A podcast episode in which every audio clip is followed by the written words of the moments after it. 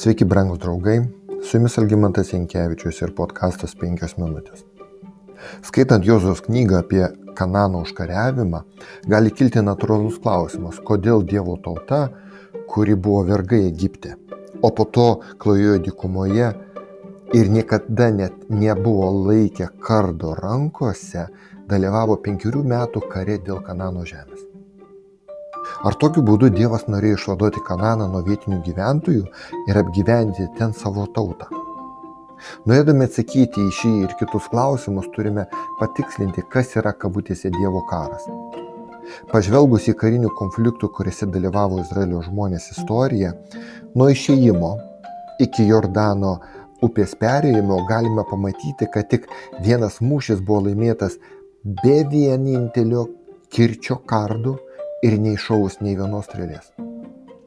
Tai pergalė prieš egiptiečius, kurie vyjus Izraelį ir nuskendo jūroje su savo arkliais ir vežimais. Ši pergalė jiems visiškai buvo suteikta Dievu, joje tiesiogiai nedalyvavo nei vienas izraelitas. Išėjimo 14 skyrius.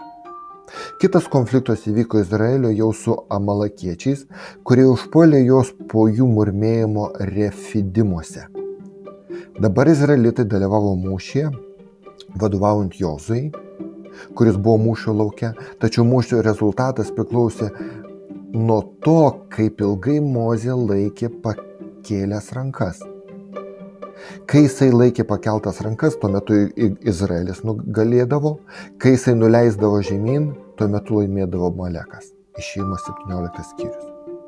Tai yra net ir čia pergalė Izraeliui atnešė nenarsumas ir kariniai įgūdžiai, taktiniai sugebėjimai, o Dievas, nors pats Izraelis, dalyvavo mūšyje.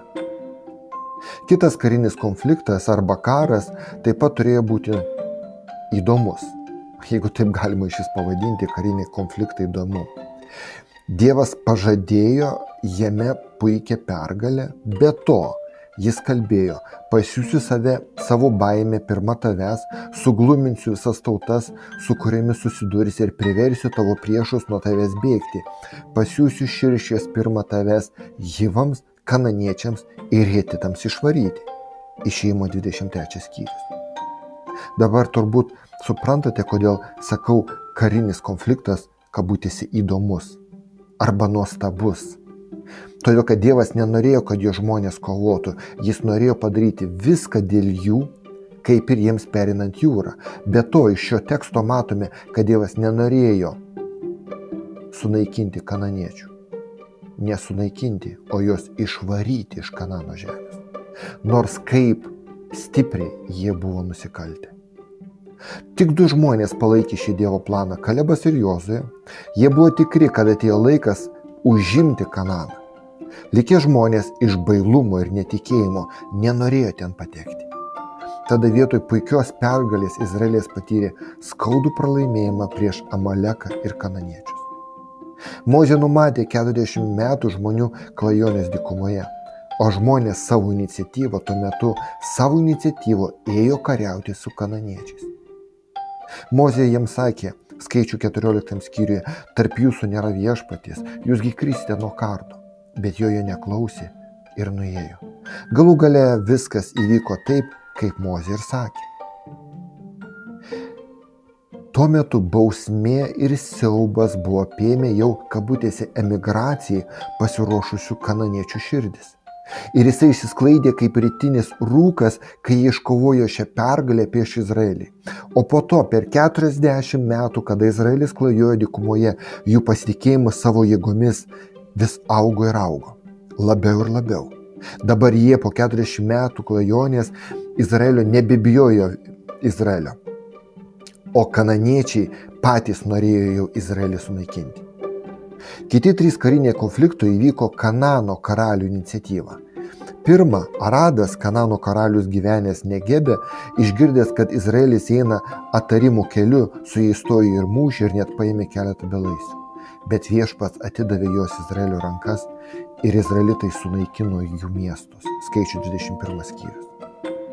Tame pačiame skyriuje yra prašyta, kada kad Amoritų karalius Sihonas ir Bašano karalius Ogas užpuolė Izraelį, tačiau jie buvo visiškai nugalėti, o jų žemė kairiajame Jordono upės krante ir Bašane tapo Izraelitų grobiu. Brangus draugai, mes matome, kad tai nebuvo pirminis Dievo planas įtraukti Izraelį į krūvinus karo veiksmus. Pas Dievas planavo išvalyti Kanano žemę nuo žmonių, įklimpusių į baisę stabmeldystę. Tačiau jau Jozujos laikais padėtis Kanane buvo pasikeitusi. Nebebuvo baimės. Niekas niekur neketino išeiti, aš kalbu apie kananiečius. Tačiau Dievas ir čia numatė savo tautos pergalę. Su jumis buvo penkios minutės ir Algimantas. Inke.